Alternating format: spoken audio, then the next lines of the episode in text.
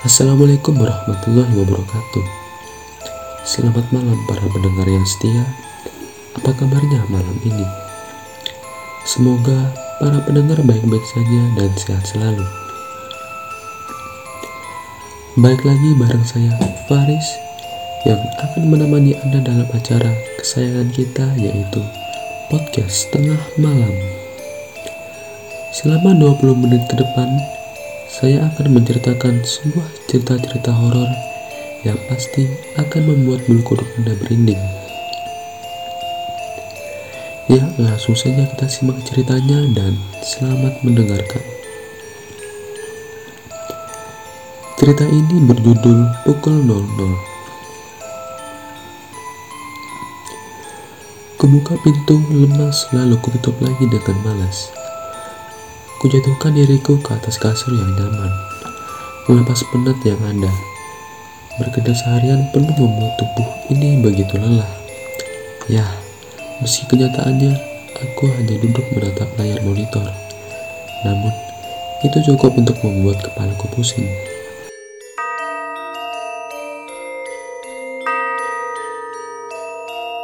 Suara jam dinding dari tengah rumah merambat hingga ke kamar.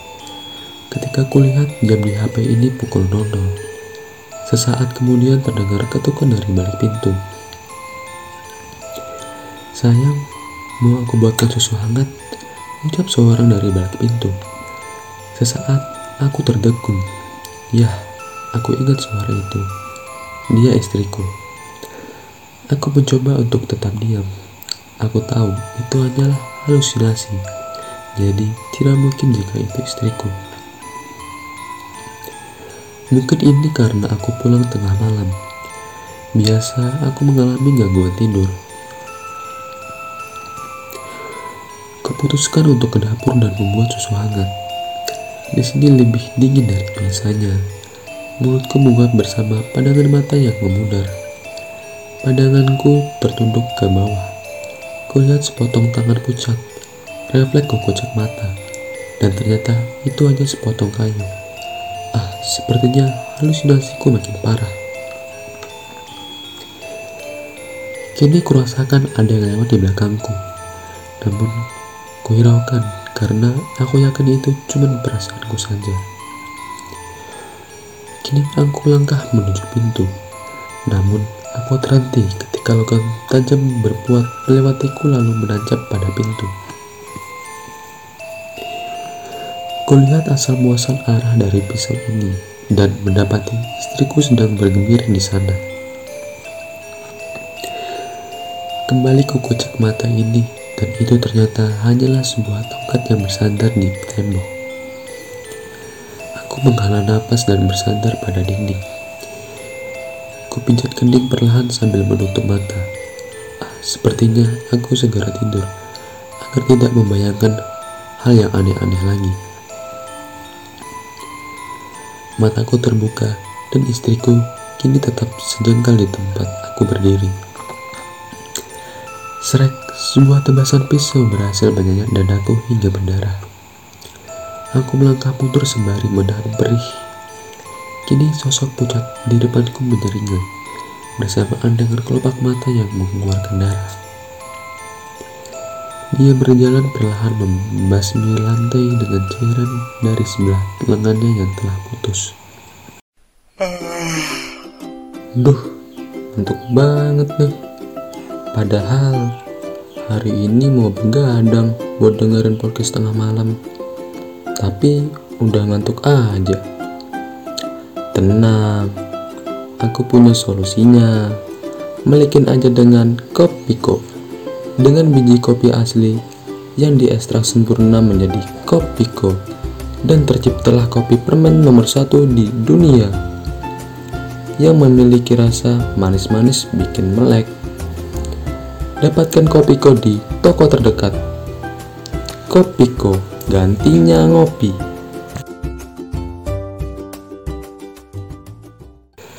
Kau, kenapa tak pergi?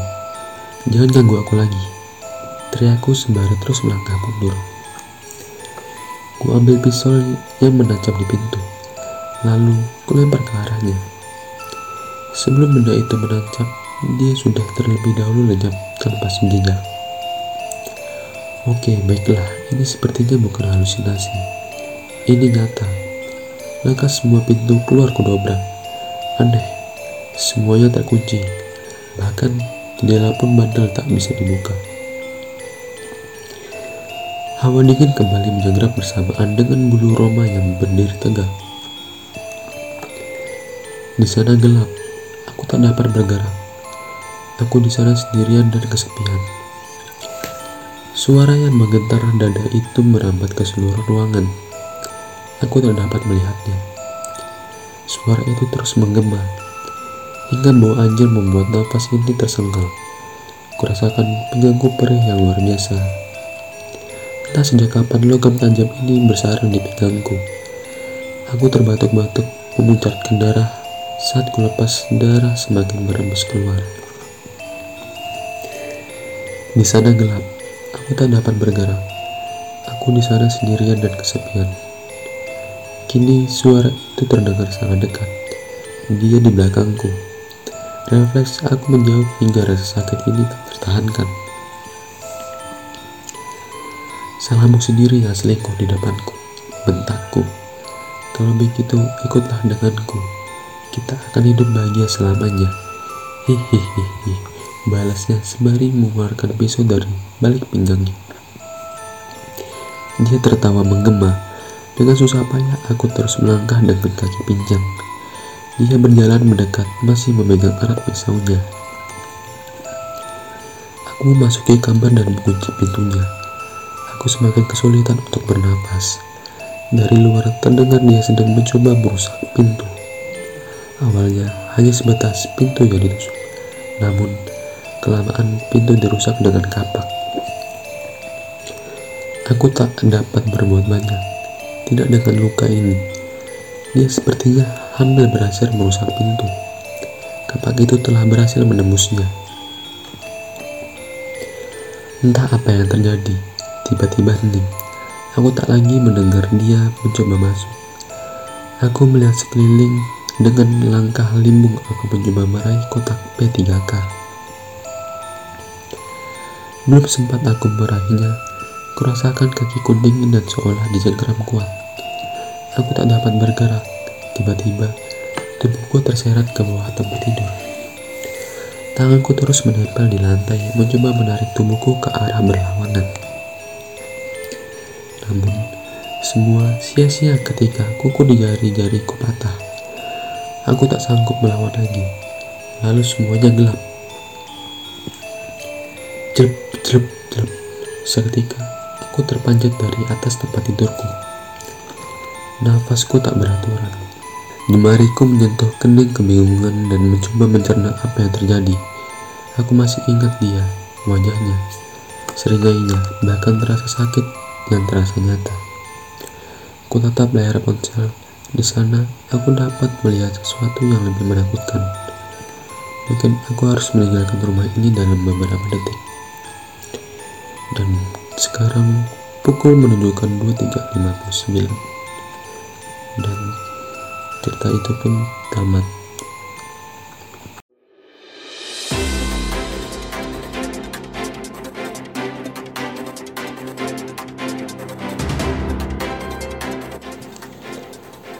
Sebelum lanjut ke cerita selanjutnya, omong-omong soal cerita horor nih. Aku punya berita viral tentang pengakuan bocah bilang punya teman tak kasat mata. Konten yang diunggah yakni pengakuan anak kecil tentang memiliki teman tak kasat mata di rumah. Teman kasat mata tersebut bernama Mbak Lita. Bikin merindingnya, pengakuan anak kecil itu diungkapkan pada pukul 00.29 dini hari yang menjelaskan Mbak Lita belum pulang. Pengakuan bocah tersebut tentu membuat orang tuanya merinding.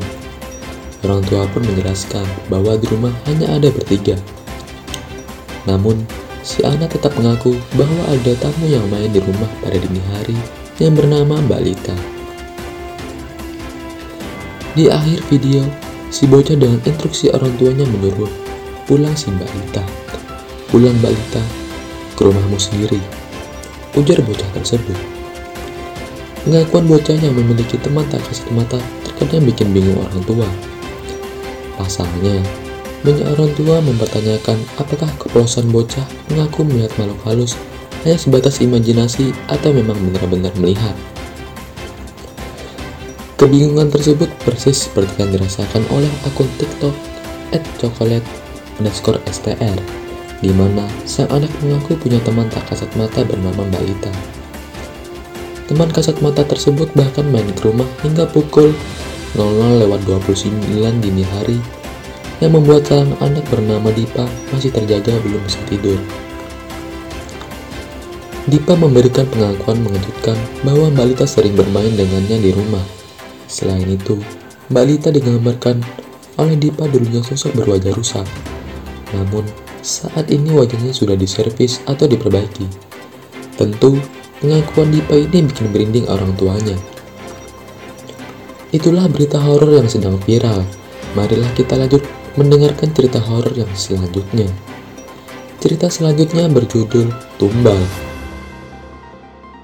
Pada suatu hari di tengah siang yang panas, aku sedang menempuh perjalanan ke daerah terpencil di pedesaan memakai mobil dengan pakaian yang sangat bagus. Di tengah perjalanan ke desa itu, mobilku mogok di daerah yang tidak seorang pun melewati jalan itu. Malam pun tiba, tetapi mobilku tak kunjung menyala. Aku sudah berusaha menelpon keluargaku di kota, tetapi di sini tidak ada sinyal sama sekali. Tiba-tiba aku mendengar suara burung hantu. Konon, katanya, jika mendengar suara burung hantu di jalan sepi, kamu akan bertemu dengan sosok yang sangat menyeramkan seperti pocong dan teman-temannya. Tak lama kemudian, aku yang ketakutan mencoba membenarkan mobilku sendiri. Sebenarnya aku sedikit tahu tentang mesin mobil. Dengan penuh rasa takut dan bayang-bayang pocong dan teman-temannya yang muncul di benakku. Mobil yang monggok itu pun akhirnya menyala. Karena terlalu lelah, aku pun tertidur dalam mobil. Beberapa jam berlalu, aku terbangun karena mendengar suara yang mengetuk kaca mobilku dari arah belakang. Lalu, aku menengok ke arah belakang untuk melihat apakah ada sesuatu di sana. Saat pandanganku kembali ke depan, tiba-tiba terdapat seorang nenek-nenek yang sedang menyeberangi jalan. Karena aku kasihan dengan nenek itu, aku pun memanggil nenek itu dan menyuruhnya masuk ke dalam mobil. Lalu aku bertanya, nenek rumahnya di mana? Nenek itu diam saja saat kutanya. Tetapi tangannya menunjukkan arah jalannya. Aku terus saja lurus, lalu belok ke kiri, lalu belok ke kanan. Setelah perjalanan agak lama, aku bingung mengapa jauh sekali rumahnya. Padahal sebelum belokan ke kiri pertama, aku melihat ada beberapa rumah kecil. Mungkin isinya hanya lima kepala keluarga. Aku pun bertanya lagi kepada nenek, Nek, sudah sampai belum? Rumah nenek jauh sekali ya. Lalu nenek itu menjawab, sudah dekat. Kamu maju sedikit lagi. Di sanalah rumah saya. Hihihihi. Aku kaget tiba-tiba si nenek mengeluarkan suara kuntilanak yang menyeramkan. Karena takut, aku pun membawa mobilku sambil menghadap ke depan dan tidak sama sekali menengok ke arah nenek. Setelah sampai di tempat yang dibilang si nenek, lalu aku bilang, kita sudah sampai nek. Kata-kataku terpotong saat ku melihat ke arah nenek, tetapi dia tidak ada. Seketika pandanganku berubah, Tempat yang tadinya kulit adalah rumah si nenek menjadi kuburan yang sangat gelap sekali. Dan aku yang berada di dalam mobilku seperti mencium aroma bunga melati yang sangat kuat. Tak lama, aku melihat sosok makhluk yang tidak tahu itu apa. Kemudian aku pingsan begitu saja. Saat aku bangun dari pingsan, ternyata aku berada di sebuah rumah kecil dengan lampu kuning remang-remang. Tiba-tiba ada seorang ibu yang menghampiri tempatku terbangun. Dek, apakah kamu sudah sadar? Bolehkah ibu bertanya, mengapa kamu semalam ada di kuburan itu? Apakah kamu tidak tahu itu adalah tempat terhalang? Untuk masuk situ, kamu tidak boleh memakai kendaraan. Jika kamu ke sana membawa kendaraan, maka kendaraanmu pasti ditumpangi dengan makhluk gaib yang ada di kuburan sana. Lalu aku menjawab, aku tidak tahu. Semalam ada seorang nenek yang sedang menyeberangi jalan. Aku kasihan dengannya. Lalu aku menyuruh masuk dan ku bilang kalau aku akan mengantar ke rumahnya. Si ibu yang mendengar jawabanku pun terlihat bingung dan kaget. Katanya, bagaimana bisa seorang wanita sepertiku berani sekali menumpangi orang yang tidak dikenal. Kata ibu, di desa itu tidak boleh sembarangan berbicara dengan orang asing atau apa pun.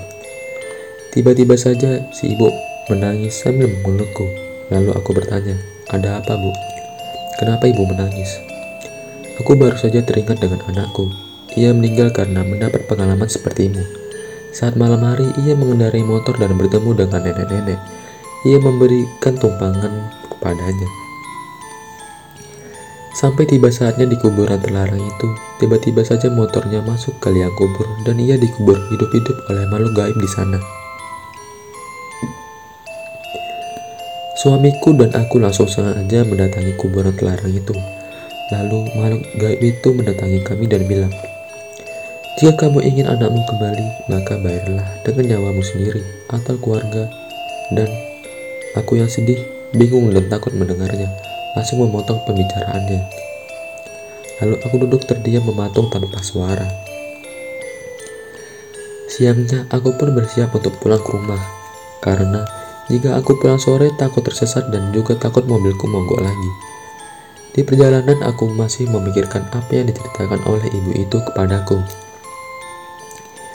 Sebenarnya aku penasaran dengan lanjutannya, tapi aku tak kuasa mendengar apa yang akan terjadi selanjutnya. Saat di perjalanan, tiba-tiba orang tua aku menelpon dan bertanya apakah aku baik-baik saja.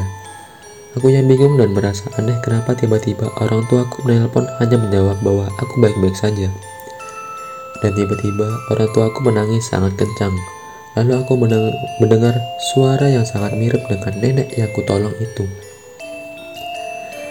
Langsung saja aku berteriak, apa mau nenek di sana? Lalu nenek itu menjawab, jangan pulang ke rumah atau orang tuamu akan mati. Dan tiba-tiba teleponnya terputus. Aku pun langsung mempercepat laju kendaraanku. Semua yang menghalangiku langsung kuhantam sampai-sampai hampir ada seorang anak kecil yang tertabrak.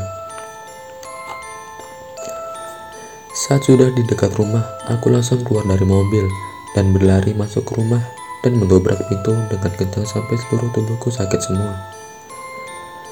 Dengan tubuh yang lemah, aku langsung terjatuh dan pingsan. Aku terbangun dan langsung menengok ke atas atap karena merasa seperti ada air yang jatuh di atas dahiku. Ternyata ada dua orang mati yang tergantung dan pergelangan tangannya mengucur darah seperti terkena silet. Ternyata itu adalah kedua orang tuaku. Tiba-tiba saja ada orang yang mencekikku dari belakang. Aku tidak bisa melihat wajahnya. Langsung saja aku berpura-pura seperti orang mati. Dan orang itu pun melepas cekikannya dari leherku.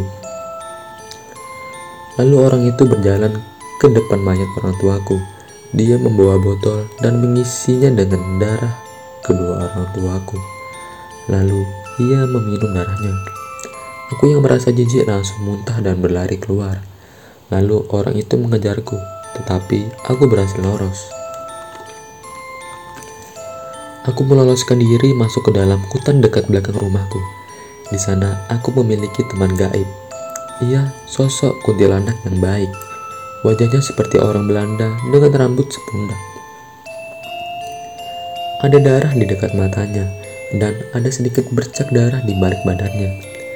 Aku bertanya kepadanya, apa alasan makhluk aneh dan orang itu membunuh orang tuaku? Lalu ia menjawab dengan nada seram, kamu sudah mengganggu kaumku di pedesaan kecil itu. Maka kamu harus membayarnya dengan nyawa. Saat itu, kamu diselamatkan oleh manusia lain. Maka dari itu, kaum kami menggantinya dengan orang tuamu. Karena bingung harus berbuat apa, aku pergi menemui orang yang mengejarku dan bilang, Kenapa harus orang tuaku? Bunuh saja aku sedari awal. Dasar kalian bodoh. Karena aku berbicara kasar, tiba-tiba aku terbangun dan melihat diriku sendiri sudah tewas. Itulah cerita-cerita horor yang dapat kami bacakan. Mungkin cukup sekian cerita untuk hari ini. Terima kasih telah mendengarkan episode kedua ini. Semoga cerita ini dapat menghibur para pendengar sekalian. Untuk penutup, mari kita dengarkan request lagu dari Mbak Sinta yang berjudul Hit and Sing. Saya Paris, mohon maaf jika ada kesalahan kata dan sampai jumpa di episode selanjutnya.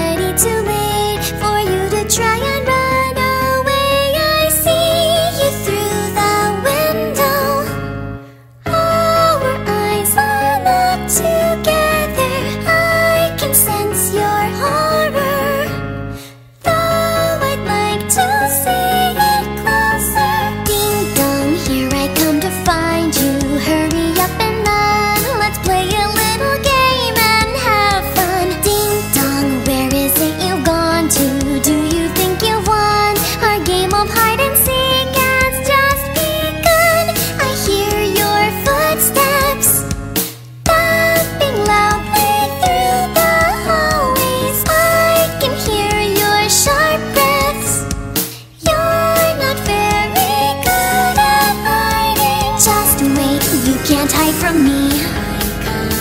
Just wait, you can't hide from me. Just wait, you can't hide from me. Just wait, you can't hide from me.